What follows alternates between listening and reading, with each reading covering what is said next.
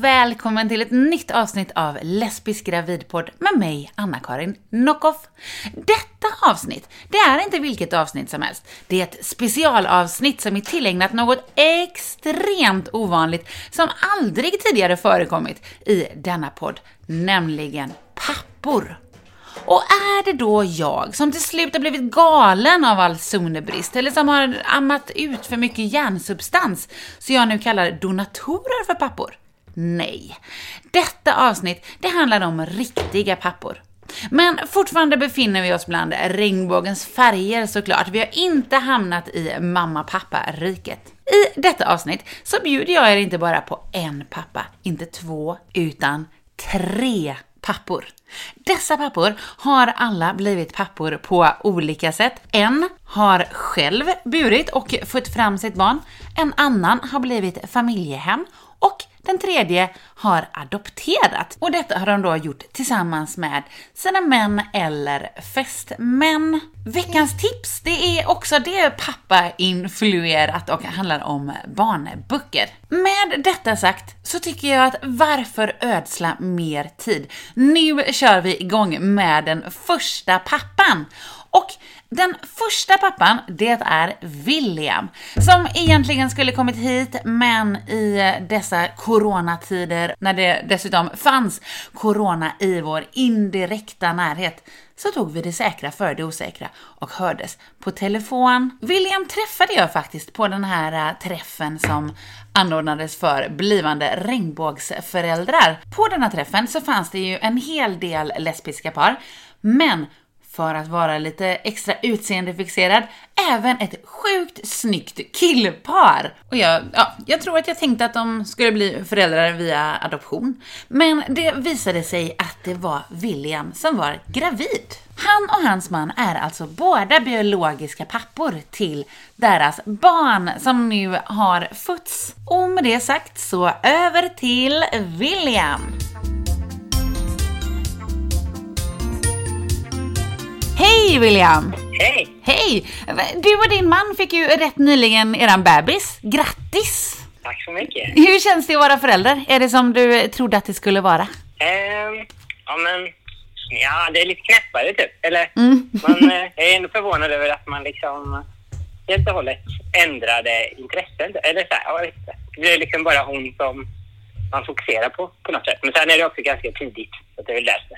Ja, hur gammal är hon? Vi har gått lite, hon är tre och en halv månad. Åh. Och vi har ju gått helt från att liksom så här, vi hade ju kompisar på besök varje kväll liksom. Till Ja. ja, någon gång ibland i veckan typ. Ja, känns rimligt. Typ.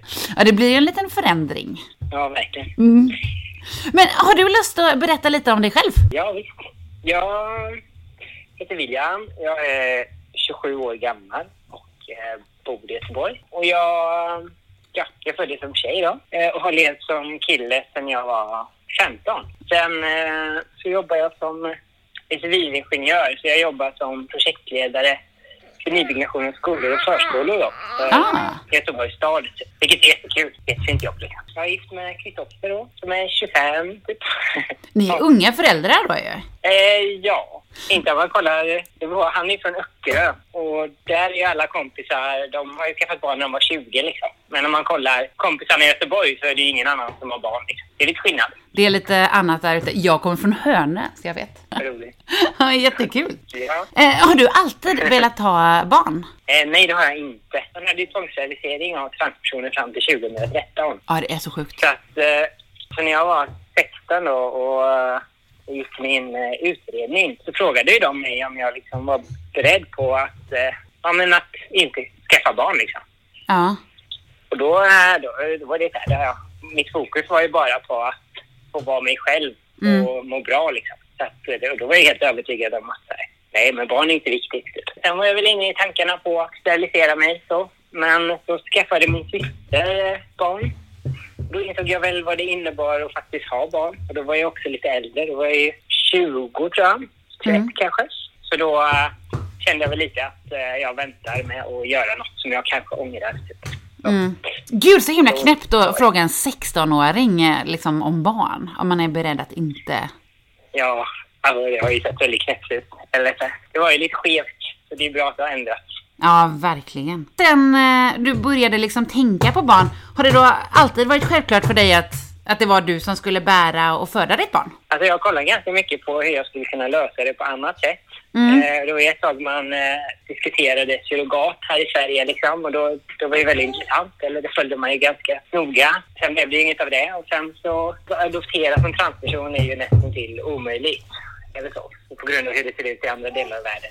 Ah, men är det, är det olika regler för trans och samkönade par? Eh, nej, alltså Eller rent- trans, ni är ju också samkönat par, men eh, ja. Från Sverige. Ja, förstår. Nej, men rent juridiskt från Sveriges sida så ska du ju få lov att adoptera. Det är bara att andra länder godkänner. Det är ju inte i adoptionsprocessen som jag har uppfattat det liksom. Så att då, då var jag inne på att, eh, alltså, sen eh, jag har inte varit så mycket för, jag har ju tyckt att det har varit så himla gött att leva singelliv liksom. Eller så här, eh, den friheten att leva ensam eller så här, singel uppskattade jag väldigt mycket. Så då planerade jag egentligen bara för, för mig själv och en bebis typ. Mm. Men sen så, eh, ja, 2015 så träffade jag Kristoffer typ och från första dejten så har vi umgåtts varje dag typ. Det bara föll naturligt typ. Ja, jag- att, ha jag, kvar liksom, honom. Det här behovet är aldrig... Vad sa du? Det, det föll sig naturligt att ha kvar honom liksom.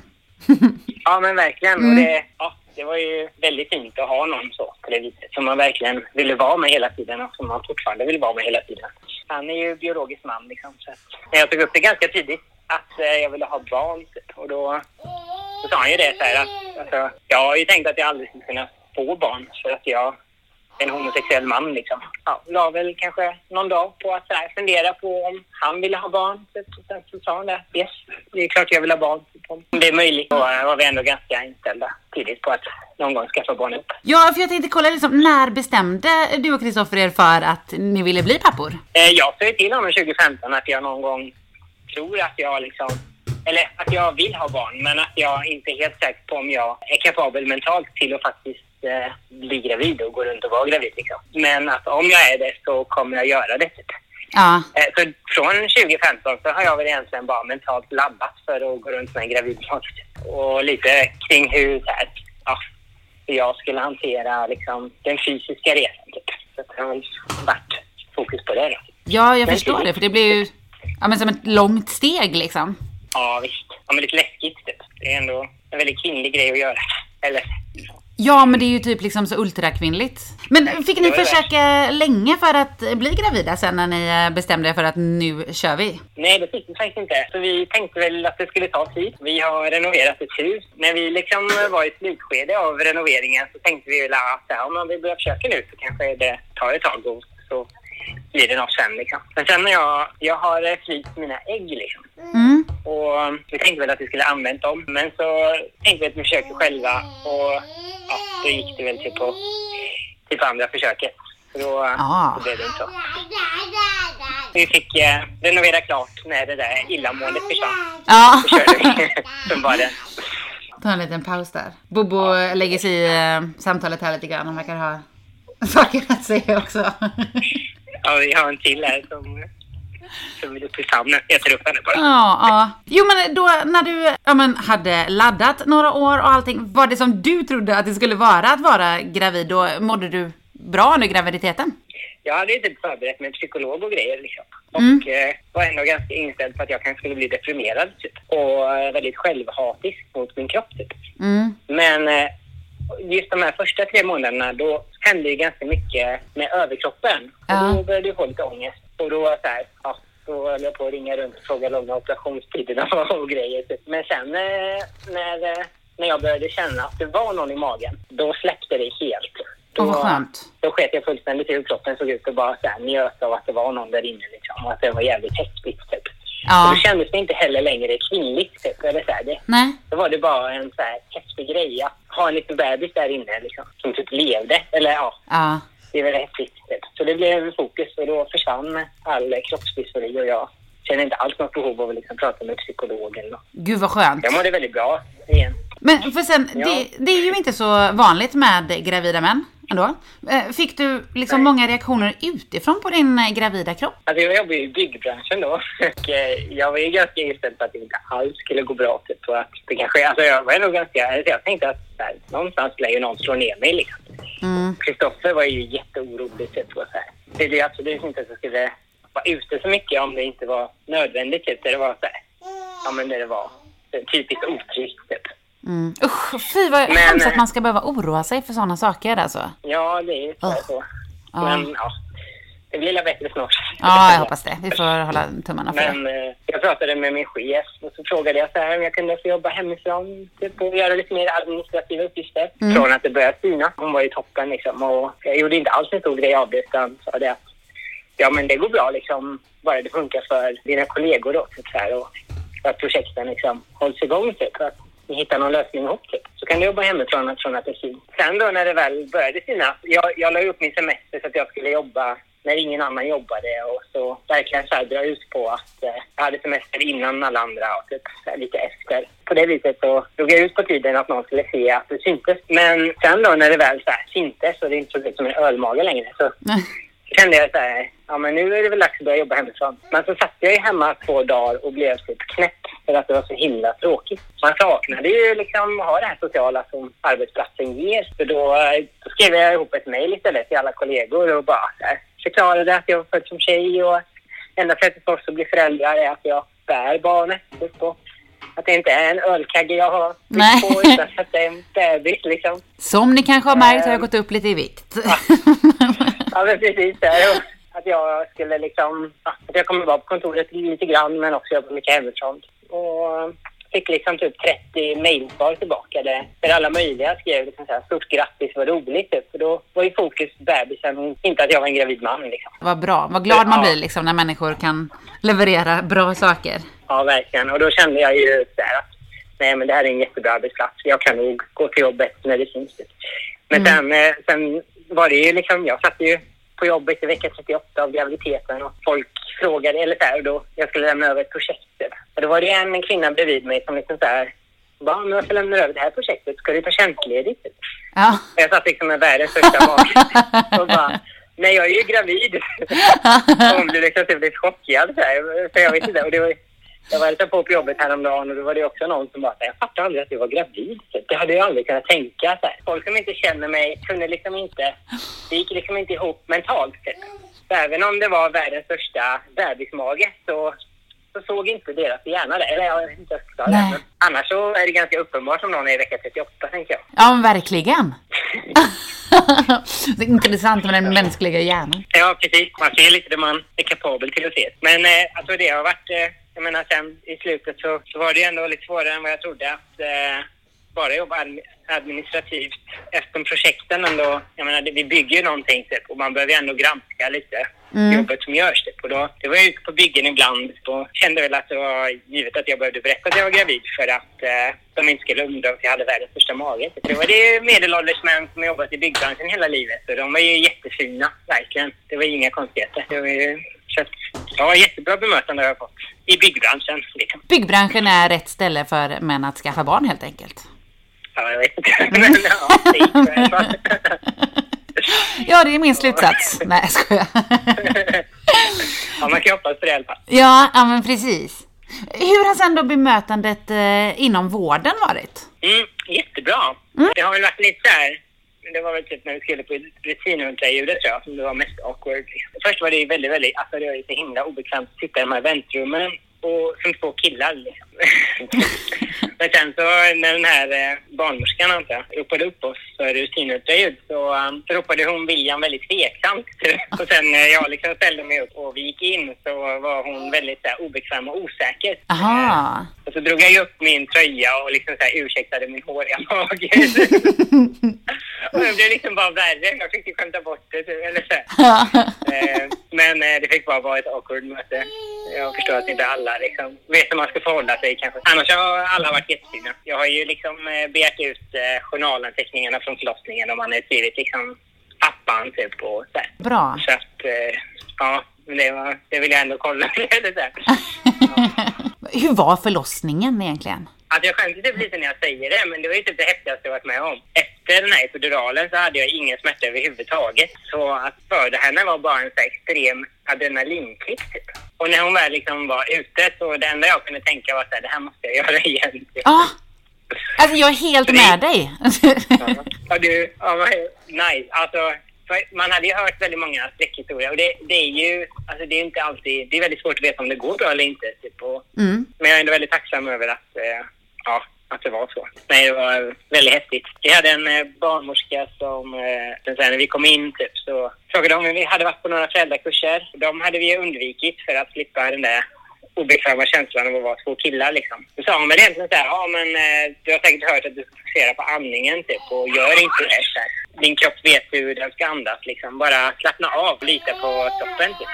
Så då, eh, då fick hon mig att meditera genom eh, de första timmarna typ. Och det, det tror jag gjorde väldigt mycket. Att man var så lugn. Vad, har du något eh, sådär eh, tips till de som ska föda förresten?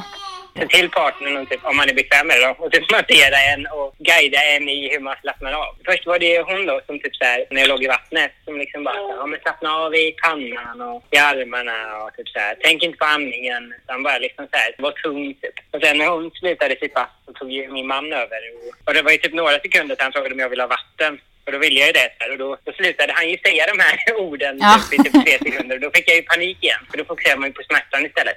Mm. Men så länge han sa det så kunde jag hålla det fokuset. Bra Så det var en inte det ledning. sen epiduralen då, den var ju guld. Men tog du lustgas förresten? Ja, det var ju hemskt. Tycker du? Jag tappade all kontroll. Ja, det var inte det värsta jag varit med om. Oj, ja. Jag älskar lustgasen. Jag vill ha den här hemma alltså. Oj. Ja, vad härligt att den... Ja, Jag blev bara yr och mådde illa. Nej, det är inte positivt såklart. Nej, men vad skönt att det gick så bra med förlossningen. Det är jag tacksam för. Men tror du att ni kommer skaffa fler barn? Ja, men det tror jag. Vi vill ändå ha, ja men i alla fall två typ. Eller ja, vi vill nog bara ha två. Så en till typ. Och då, tanken nu är väl att det inte ska vara allt för långt mellan så att jag liksom inte behöver hoppa på testosteron och sen pausa det igen. Eh, utan bara fortsätta pausa och sen så börja med testosteron när vi är klara. Man får ta en hormonpaus då under tiden som man är gravid, va? Eller? Ja, Hur- ja. Alltså, jag, innan graviditeten så eh, pratade jag med en hormonläkare och en läkare på reproduktionsmedicin och frågade lite när, när jag borde sluta på testosteron om vi planerar att skaffa barn. Hormonläkaren tyckte väl typ ett år innan och eh, reproduktionsmedicin sa bara att jag hinner få mens. Grejen är väl att bägge gissade så att då eh, kände vi att men då är vi på den säkra sidan och så slutade jag med testosteron ett år innan vi tänkte att vi skulle prova. Typ. Och, ja, det, alltså, det är ingen som vet vad man borde göra. Man får bara göra Nej. det som man själv tror är bäst. Typ. Man får testa sig fram tills det finns direkta guidelinjer helt enkelt. Ja, precis. Tack så hemskt mycket för att du har varit med i Lesbisk gravidpodd. Tack så mycket. Och lycka till med framtida syskon. Ja, men tack ska du.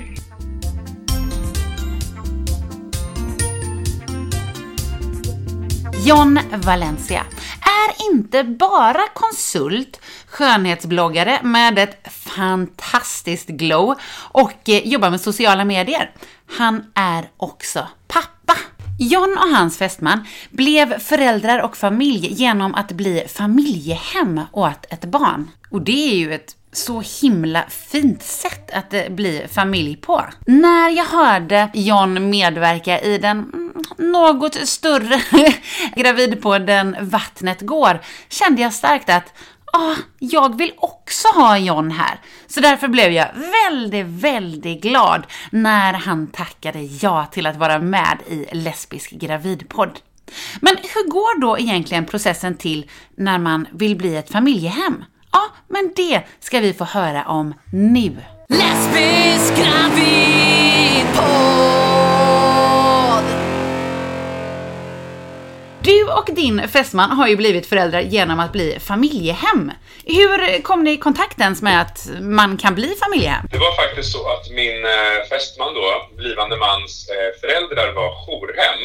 Och att vara jourhem, det är lite som att vara ett familjehem, men det är mer en akut insats. När man identifierar ett, vad ska man säga, ett problem eller en orolighet i en familj så plockar man oftast barnet från oroligheterna och sen så placerar man dem i ett jourhem i väntan på att man gör kanske en utredning eller liknande. Bestämmer man då att barnet ska bo eh, hos en annan familj eller på annan plats så blir det då ett eh, familjehem där man tänker en långsiktig lösning för barnets bästa självklart.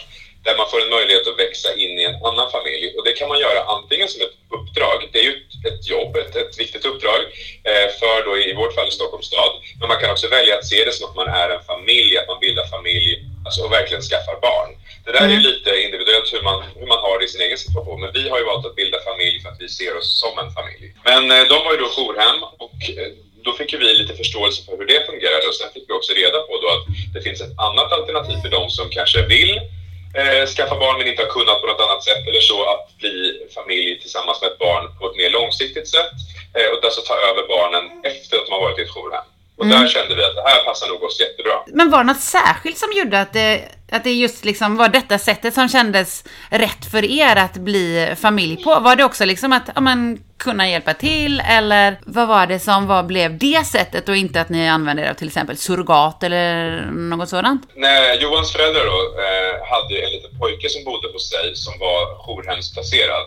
Och vi blev väldigt förtjusta i den här lilla pojken och kände att vi skulle nog kunna tänka oss att vilja vara familjehem till just honom. Ah, ah. Eh, nu, bo, nu bodde han i Skåne och hans biologiska familj bodde i Skåne så det hade blivit lite svårt för oss med logistiken för att, att vara familjehem innebär att du också ska hålla kontakt med det biologiska nätverket. Du ska liksom finnas tillgänglig om de vill och kan och ska träffa sitt, sitt barn eller sin Ja. släkting. Eh, och då blev det lite svårt. Men då kände vi att eh, det hade blivit så naturligt för den pojken att stanna kvar i Johans familjs familj. Mm. Och eh, därför så gjorde vi en utredning för att bli familjehem och det kom vi på lite sådär lite hastigt när vi fick reda på att den här pojken skulle bli familjehemsplacerad.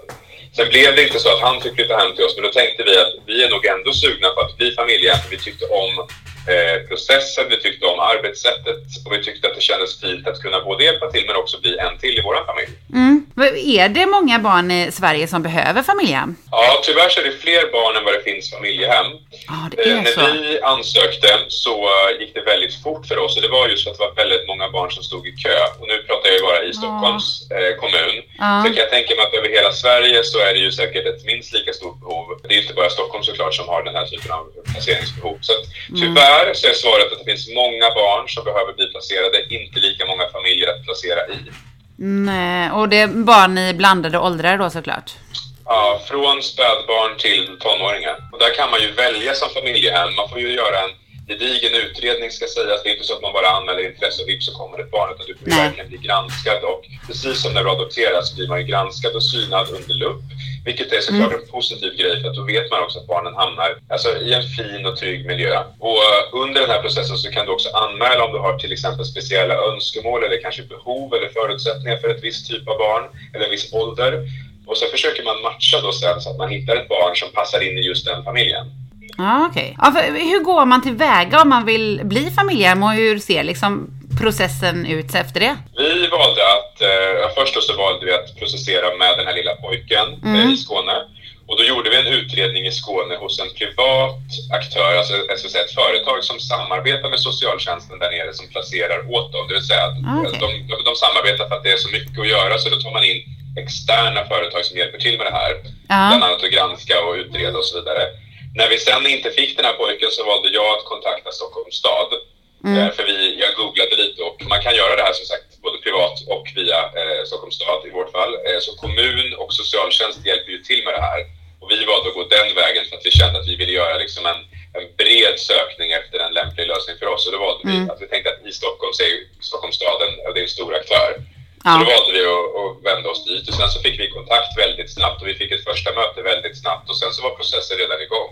Och så kunde vi lite förlita oss på den utredning som hade gjorts tidigare så vi skickade in den och så fick de titta på den och så gjorde de kompletterande intervjuer och sen så gjorde vi en heldagsutbildning där man får lära sig lite om vad det innebär att vara just familjehem.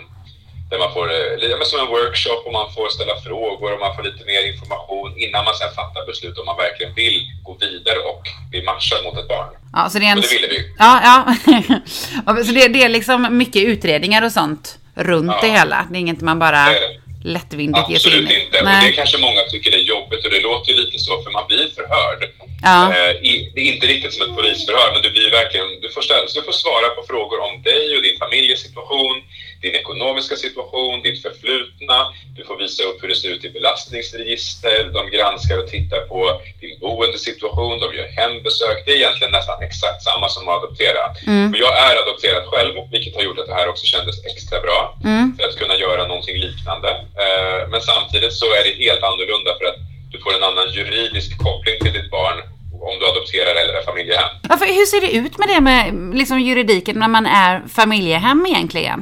Eh, Du blir familjehem och sen är det ju det ett uppdrag, vare sig du vill se det som att du är familj eller att du gör det som ett, som ett arbete så är det ett uppdrag och det här uppdraget eh, har ju såklart en arbetsbeskrivning, vad man ska göra, hur man ska finnas tillgänglig, hur man ska samarbeta med socialtjänsten i vårt fall och med den biologiska familjen.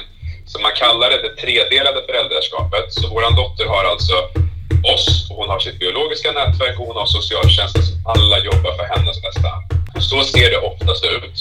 Eh, och det skiljer sig för adopterar man så då, då är, byter man ju bara för- föräldrar och vårdnadshavare och vips så är det ditt barn precis som om det vore ditt biologiska barn. Mm. Och det är inte riktigt så här. Men däremot så blir det ju så kanske med tiden. Om du har valt en sån lösning att du vill bli familj, det vill säga att du ska se barnet som någonting som, som är en lika stor del av din familj som du själv är, Ja. så kan du välja att göra det. Och sen efter tre år så kan man göra en prövning om vårdnadsflytt. Ah, Då okej. byter man vårdnadshavare och när du sen blir vårdnadshavare, om du blir det, så är det precis på samma sätt som att vara biologisk förälder, förutom att du inte har arvsrätten. Okej. Det kan du ju såklart lösa ändå om det känns som att det är viktigt du ser till så att ditt barn ärver dig ändå. Du kan ju alltid testamentera till det här barnet om du skulle vilja. Men det är det enda som skiljer. Blir du sen vårdnadshavare så är det bara arvsbiten som är skillnaden. Ja, jag förstår. Men om man då tänker liksom att ja, men jag vill bli familjehem, är det något eh, särskilt man ska tänka på?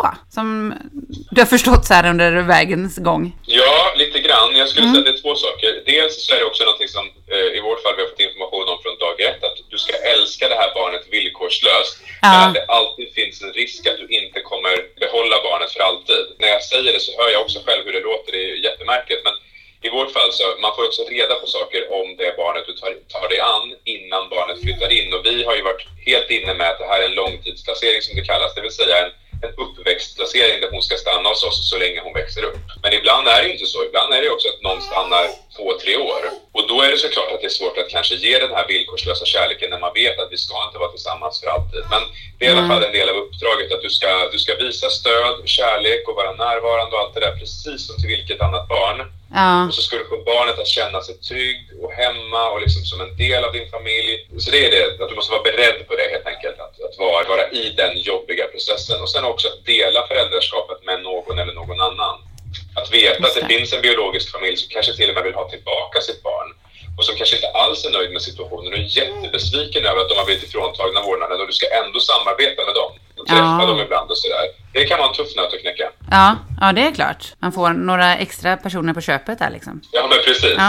Eh, Som du inte har valt själv. Och det kan ju vara, det kan ju vara nog så jobbigt med den familjen du själv har. Men så Ja. får du ytterligare en familj på köpet som du verkligen inte har valt. Nej, precis. Men eh, hur lång tid eh, tog det från att ni då anmälde intresse till att bli familjen tills ni fick hem ert barn eller vad man ska säga? Ja, jag anmälde intresse till Stockholms stad i december 2017. Och då hade vi redan lite saker vi kunde tillgodoräkna oss. Vi hade som sagt den här eh, intervjuprocessen. Vi hade gjort den här utredningen mot den här andra pojken. Så den hade vi som kunde göra att det gick lite fortare. Men de hörde av sig direkt. Vi tog ett möte i januari. Vi började utbildningen i februari. Vi blev klara med den i mars. Och första veckan i maj så fick vi ett telefonsamtal om att det finns en flicka som behöver en ny familj och hon flyttade in första veckan i juli. Oj, det gick fort Men då. vi påbörjade, ja, men vi påbörjade liksom, det finns en lära känna-process också. Det, det är inte så att Ah. de kommer med henne här, varsågod, utan vi Nej. får träffa henne eh, löpande varje dag under ett par veckor innan och då började vi det precis efter midsommar. Ja, vänta ett ögonblick bara. Min son har fastnat under en stol. Vänta lite bara. Så, nu är jag tillbaka. Så vi fick möjligheten att träffa vår dotter direkt innan då vi skulle börja den här så att vi först fick ett, vi hade aldrig sett henne när vi väl liksom blev ihopmatchade. Så vi fick se henne första gången dagen före midsommar 2018 och sen veckan efter, sen efter midsommar så påbörjade vi en två veckors lång lära känna varandra period där vi tillsammans med jourhemmet som hon bodde i då eh, lärde henne att flytta över successivt till vår familj. Och det är ju jätteviktigt för ett litet barn i den åldern, då var hon 11 månader. Hon Åh, fick en möjlighet att lära känna oss och sen innan då hon ska flytta att hon redan vet vilka vi är. Ja, precis. Det blir en chock där. Ja, men precis. Men hur eh, förbereder ni er inför att bli föräldrar? Ja, alltså oftast när man blir förälder så är det ju biologiskt och då har man ju de här nio månaderna på sig att eh, under en graviditet förbereda sig både mentalt och fysiskt och allt det där. Men vi hade inte riktigt den tiden, utan när vi fick reda på då första veckan i maj så fick vi reda på att om två månader så har ni ett barn som kommer bo hos er. Så att, eh, ja, börja förbereda er. Och då är det ju sådana praktiska saker. Vi ska hinna köpa en vagn, en säng, allt sånt där som det brukar vara lite leveranstid på. Ja. Det hade vi inte vågat köpa innan för vi tänkte att vi kan inte ha det i lägenheten i ett halvår eller ett år om det tar så lång tid. Så då, eh, ja, då blev det att börja liksom akut eh, titta på, okej, var ska vi börja någonstans? Och sen det mentala, det fick bara liksom följa med. Ja, det komma på är det köpet. lite skillnad att bli förälder till ett barn som är 11 månader kontra att vara en dag, eller Ja. nyfödd.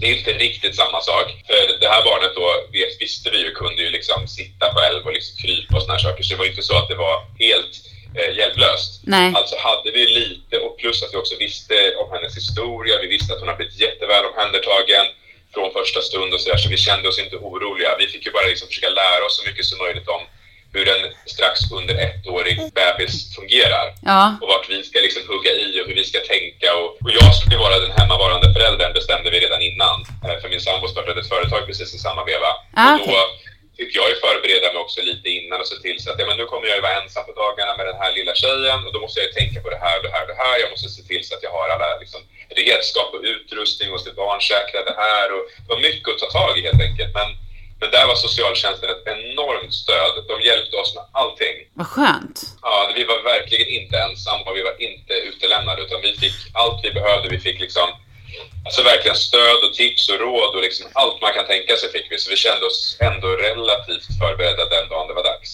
Ja. Gud vad bra att ha det stödet från dem också. Mm. För det, det har ju inte alla såklart. För att jag menar, Nej. skaffar du barn biologiskt och du föder barn, ja men då du får ju såklart dina kurser innan. När du väl är dagen där så är du ju själv. Ja, ja men precis. Så det var lyxigt och vi är Ja. väldigt, väldigt nöjda med just Stockholms stad i det här samarbetet och vi är fortfarande nöjda ett och ett halvt år senare att vi känner att det här var helt rätt väg att gå för oss. Ja, vad bra att det blev så bra. Ja, Men eh, jag blev så himla glad av att eh, höra att i alla fall Stockholm så efterfrågas hbtq-familjer till att bli eh, familjehem. Eh, Varför eh, är det så? Varför efterfrågas vi? Nej, men jag tror att det är för att eh, just Stockholms stad har valt att vilja placera barn i familjer som helt enkelt speglar verkligheten. Idag finns det så många familjekonstellationer. Det finns ensamstående föräldrar, det finns familjer som delar barn, jättemånga eh, vuxna. Alltså det finns ju så många olika varianter och samkönade familjer och liknande. Så att jag tror att de helt enkelt vill att det ska vara eh, en naturlig del av deras verksamhet att ha alla typer av familjekonstellationer. Så på dörren redan när vi kom dit första gången så satt en liten sån här prideflagga som jag kallar det. Ja. Eh, och det, det kändes också så väldigt, vad ska man säga, lite mer välkomnande att det här är ingenting som vi kommer tycka är ett problem. Vi kommer inte fråga om varför ni har valt att leva som ni lever, utan det här var väldigt så, ja, ja, men det väl jättehärligt och det var, kändes väldigt eh, ska man säga, omfamnande att komma dit. Vilket vi inte var beredda på. Nej, Nej gud vad bra.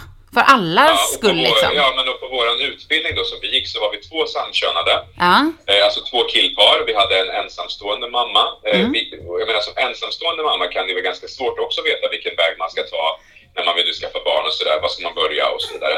Eh, men då valde hon i det här fallet som gick kursen med oss att bli familjehem och såg det som en naturlig lösning för henne att bli mamma. Eh, och det var också så var det ett äldre par. Alltså, för du kan ju också bli familjehem även fast du egentligen kanske är lite för gammal för att bli biologisk förälder. Ja. Så att det, ja, det var otroligt fint att se att alla där, vi hade så olika liv och vi hade så olika förutsättningar och eh, erfarenheter. Eh, men ändå så förenats vi att alla vi skulle bli familjehem samtidigt. Ja, gud vad fint. Ja, Men har du alltid velat ha barn? eh, nej. Nej? Jag har eh, hela tiden tänkt att jag inte ska skaffa barn av den anledningen att jag inte ville att mitt barn skulle hamna i de här jobbiga situationerna som samhället kanske ibland matar på med. Ja. Så att jag hade till och med dömt ut mig själv som förälder innan jag träffade min fästman. Just för att jag tänkte att jag kommer inte vilja utsätta mitt barn för någonting liknande. Så Nej. jag har redan bestämt mig för att det ska inte bli några barn här. Och sen så var han väldigt fast i att ja, men det är klart att jag ska ha barn eller att vi ska ha barn. Ja. Vi gillar ju barn och vill verkligen bli föräldrar. Det ska väl inte någon annan bestämma att vi inte ska vara lämpliga som, som föräldrar. Så att lite Nej. grann så matades jag med det successivt. Så nu har vi varit tillsammans i ganska många år. Så det här har ju kommit lite hela tiden. Det har växt Och på sen dig. till slut så kände jag mig ganska stark i tron att ja, det är klart vi ska bli föräldrar. Ja. Så när den här möjligheten kom så bara att vi ska göra det nu. Så det kändes så rätt. Men nej, eh, jag har alltid älskat barn men inte alltid sett mig som förälder. Men nu är du en helt enkelt. Ja, nu Ja. är jag det. Plötsligt hände det. Ja men precis, när man minst anar det. Men tror du att det blir några syskon? Ja, här är vi inte riktigt överens. Nej. Eh, Men nu är det bara jag här, så då kan jag ju säga att jag vill ju väldigt gärna att vår dotter ska få syskon. Ja. Det vill jag för att jag har haft syskon, jag, eller jag har fortfarande syskon, Ja. eh, och har verkligen trivts med att växa upp och vara fler än en. Och min sambo har haft syskon och har fortfarande syskon. Så att det är väldigt trygghet att växa upp med syskon. Men om vi ska bli familjehem igen så kommer vi få göra om den här processen igen. Och vi har ju haft en, Ah. vad vi tycker då, en drömresa. Ja. Vi vet ju inte om det blir samma sak igen. Nej, så det är klart. att det finns en liten risk att vi kanske tycker att oj då, vi hade det väldigt bra. Orkar vi göra det här en gång till? Så Ja. då har vi ju pratat om det såklart och jag som sagt är ju adopterad och det är vi helt öppna för att kunna göra den resan annars istället. Så att vi vill nog gärna, tror jag båda två, men vi måste först se hur och när och om lite grann. Framtiden får utvisa helt enkelt då. Ja men exakt, exakt. Tack så hemskt mycket för att du har varit med John och berättat om det här med familjehem. Men tack snälla för att jag fick möjligheten att berätta.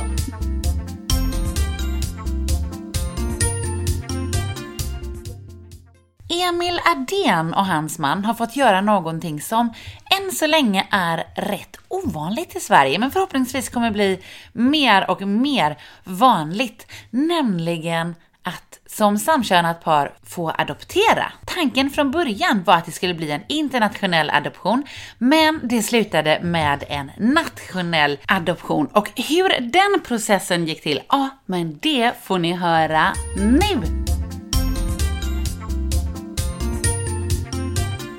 Hej Emil! Eh, ni, hej! Ni är ju nyblivna föräldrar och dessutom ett av få samkönade par i Sverige hittills som har fått skaffa barn via adoption.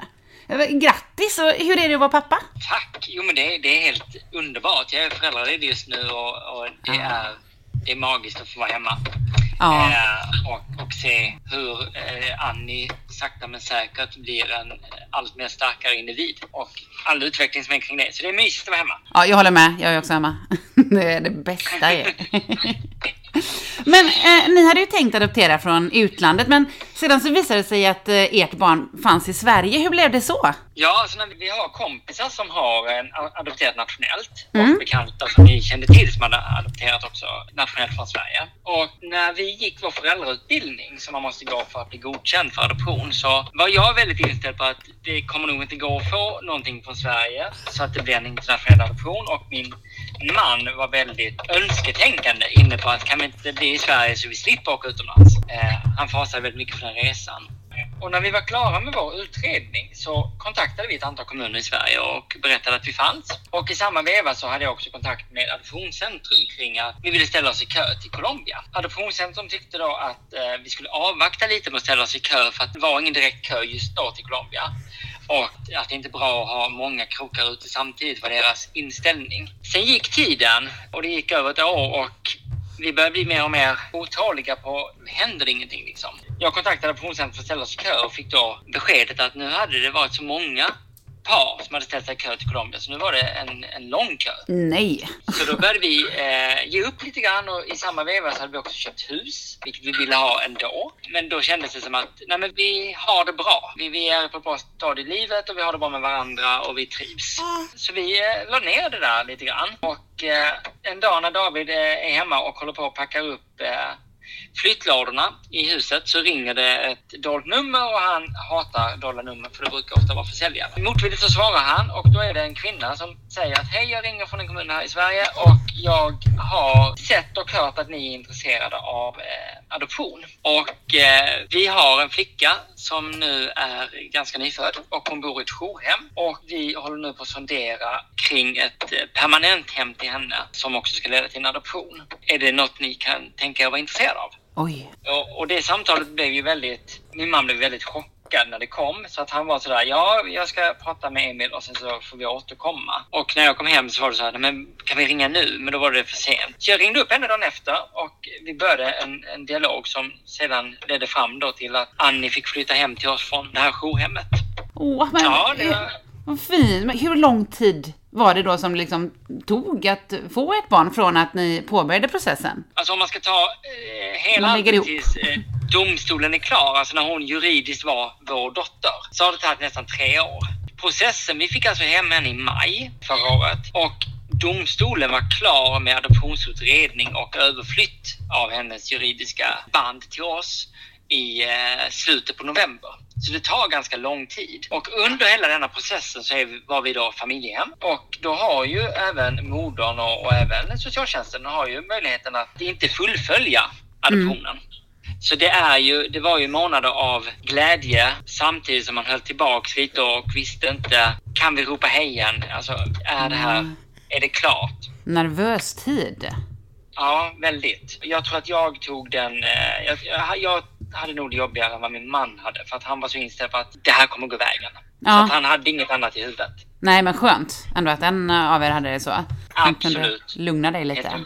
Men fick ni liksom höra, innan, när ni då eh, skulle påbörja adoptionsprocessen, fick ni höra någonting om hur lång tid det kunde ta? Ja, alltså, de pratar ju bara internationell adoption. För nationell är så pass ovanligt. Mm. Det händer jättesällan. För sällan, tycker jag. Mm. Eh, med tanke på hur många barn vi har som är familjehemsplacerade som, som aldrig kommer komma tillbaka till sina biologiska föräldrar. Vi fick väl att om ni lyckas få barn så, så utgår från att det kommer ta två, tre år. Men hur, hur ser egentligen en adoptionsprocess ut? Hur går man tillväga? Eller hur gick ni tillväga? Ja, nu blev det ju nationell för vår del efter samtalet. Och Ja. det som hände var att en- först så ut, vi var utredda för adoption. Sen så när vi då skulle hämta hem henne så blev vi utredda för att, att bli ett familjehem. Det är en annan form av utredning. Ja. Och sen så görs en utredning där man eh, pratar med biologiska föräldrar. Man ser till eh, barnets bästa och sen så ser man till vilka vi är och så gör man en samlad utredning av allt det här som då går till tingsrätten. Och sen så eh, tittar tingsrätten på det här och gör överväganden och man får eh, möjlighet att komma in med eh, synpunkter och tankar. Mm. Eh, om, om det finns något, det här blir bra, det här blir inte bra. Sen så fattar tingsrätten sitt beslut och efter det så har man tre veckor på sig att överklaga beslutet. Och om det inte inkommer någon överklagan då så vinner det laga kraft och då, då är det klart. Ah, men är det Så det mycket... ser, det ser lite annorlunda ut mot den internationella adoptionen där, där när du väl får ditt barn i, i famnen, Ja. då är allting i stort sett klart. Så, och så är det ju inte i Sverige.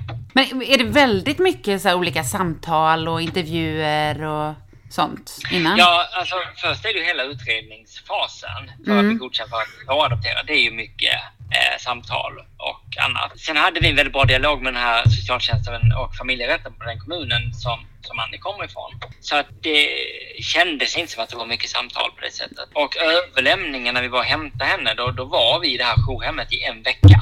För att hon skulle lära känna oss vi skulle lära känna hennes rutiner och, och så. Ja, ja Så att jag tycker att på, på det sättet så var det, det var väldigt uppstyrt och väldigt, vi blev väldigt väl omhändertagna i både den stress som det blir och shit, vi har tre veckor på oss från samtal till att bli föräldrar. Ja. Eh, till att liksom kunna landa i att eh, nu har vi kommit dit som vi har längtat så efter. Både så fort och, eller både så lång och så eh, kort tid liksom. Ja, men precis. Vara. Ja. Men eh, kände ni att det var det här sättet, eh, alltså adoption då, som var det enda sättet för er att skaffa barn på? Eller Ja. funderade ni också på något annat? Ja, eh, det, det, det var det eh, Mm. enda som vi hade för ögonen. Visst, det finns surrogat och man kan skaffa tillsammans med ett annat par. Jag har väl varit den som har varit... Jag, jag har svårt för det här att skaffa med ett annat par. Föda in ett barn i en, nu gör jag situationstecken här, men Mm. in i en skilsmässosituation där eh, den ena av mig och min man har en, ett biologiskt band med det där barnet. Den andra är rättslös gentemot det där barnet. Så skulle jag trilla av pinn och jag är pappa, då har min man inte någon som helst rätt att umgås med det här barnet. Utan eh, rätten skulle då hellre tilldöma den kvinnans man respektive kvinna att bli förälder framför oss. Så att den, den försvann på grund av det. Surrogat har jag också funderat mycket kring. Det är ju två saker där som, som jag funderar mycket på. Det är ju ett att, att betala för att få ett barn. Och den diskussionen eller så med barnet har jag sett som svår. Jag har Mm. också sett, beroende på vilket land man gör det i, så är det verkligen frivilligt för kvinnan och så vidare. Ja, Sen lägger jag inga som helst värderingar i, för jag har kompisar som har surrogatbarn via det. Så att, och, och de är jättelyckliga och jättefina och det tycker jag är jättebra. Men, men jag kände att det var för mycket osäkerhetsfaktorer för det. Plus en ekonomisk aspekt såklart. Så det, adoption var det som stod kvar för, för vår del. Och så funkade det också. Ja, Så ibland skönt. ska man ha tur. Ja. Jag vinner aldrig på spel. Så att, eh, det här var väl min eh, livsvinst och eh, då förlorar jag gärna i fortsättningen också på spel. Ja, ja, men det förstår jag. Ni har ju liksom storvinsten där redan då. Ja, det har vi. Men har du något tips till andra samkönade par som vill skaffa barn genom adoption? Jag gör det. Alltså ger in i det. Jag tror att många, eh, liksom jag, hade inte jag haft de här bekanta som, som hade lyckats med nationell adoption, som hade gett mig lite att det går faktiskt. Eh, Var det ett samkönat par också? Ja, det är samkönade par Ja. båda två. Och det, det som jag hade liksom en sån här skydds... eh, Eller skyddsgränsen, men jag hade en bild av att det är så svårt att få bli förälder när man är homosexuell. Så jag gav mig inte ens in i att testa. Så, så det är väl det första, liksom. eh, Börja utredningen, ta kontakt med socialtjänsten, börja utredningen för adoption. Ni kommer lära känna varandra mycket bättre i paret. Ja, det blir Så som en parterapi. barn Så har man vunnit mycket där, absolut. Men också att det kommer rätt mycket barn. Och nu, nu eh, har det kommit barn både från Colombia och från Sydafrika till samkönade par i Sverige. Och sen sker det ju faktiskt nationella adoptioner också. Även om de inte är jättevanliga så, så förekommer de. Som, som jag har sagt ett par gånger här nu, jag, jag vet ju åtminstone fyra par, inklusive oss då, som har fått barn via nationell adoption.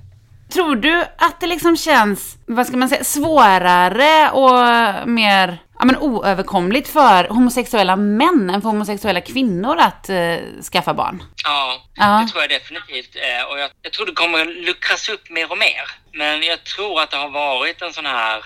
Först så ska man liksom komma ut. Det är en process i sig.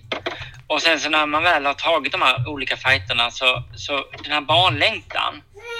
Jag kan ju bara gå till mig själv. Jag tryckte ju bort det här med barn jättelänge och konstaterade att nej, men jag vill inte ha barn. Och jag trodde nästan på det själv. Det är ju först för tre, fyra, nej, fyra år sedan som jag började känna att ja, men, det hade varit mysigt faktiskt att ha en, en liten. Så att jag, jag tror att det kommer att bli bättre och bättre. Ja, jag hoppas verkligen på att det blir det också. Tack så hemskt mycket Emil för att du har varit med och berättat mer om adoption och hur det går till. Tack så jättemycket.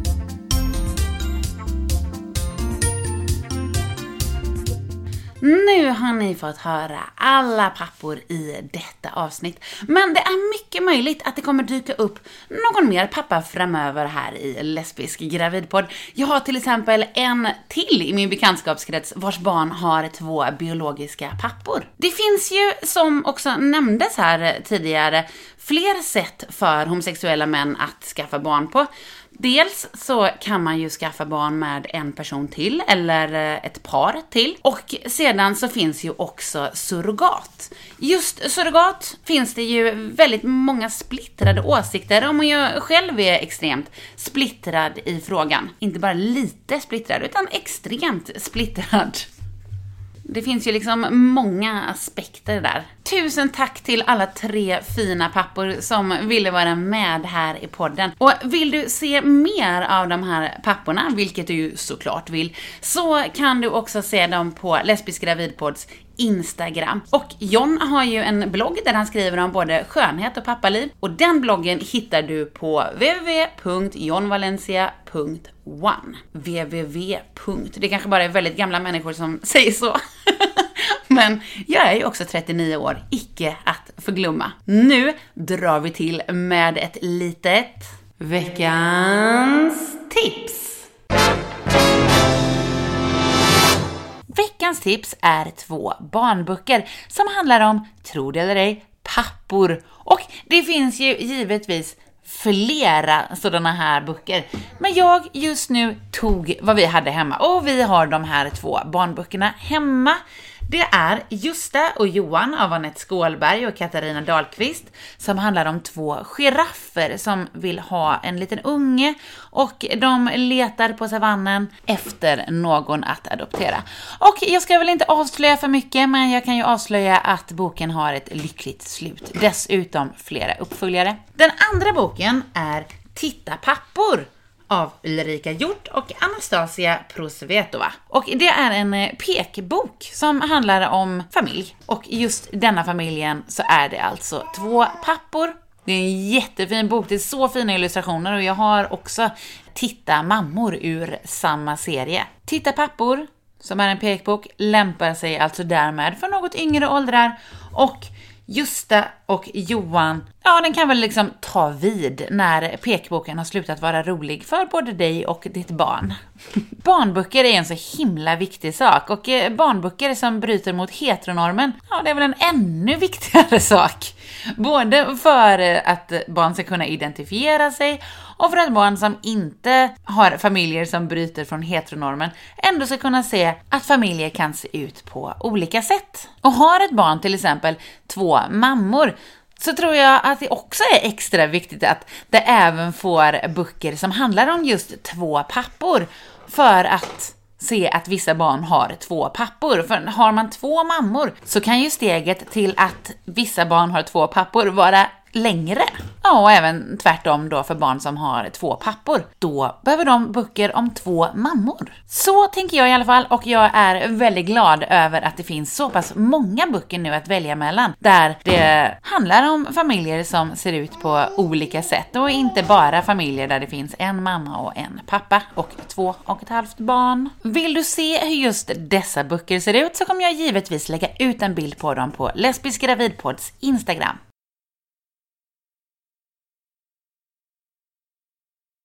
Tack för att du har lyssnat på Lesbisk gravidpods pappa special. Har du kanske undrat vad det är som har hamrat så här? Till exempel under telefonintervjuer. Ja, men då är det Bobo som just då bara har velat sitta i knät och hamra på bordet, så det har varit svårt att eh, undkomma det ljudet. Jag hoppas att det har låtit någorlunda okej okay ändå. Har du några frågor om det här avsnittet eller om något annat? Kanske vill du vara med i podden eller bara ha något sagt? Hör i så fall jättegärna av dig till lesbiskgravidpodd@gmail.com eller skriv ett DM till mig på Instagram. Vi hörs snart igen. Ta hand om dig tills dess. Puss puss! Lesbisk gravidpodd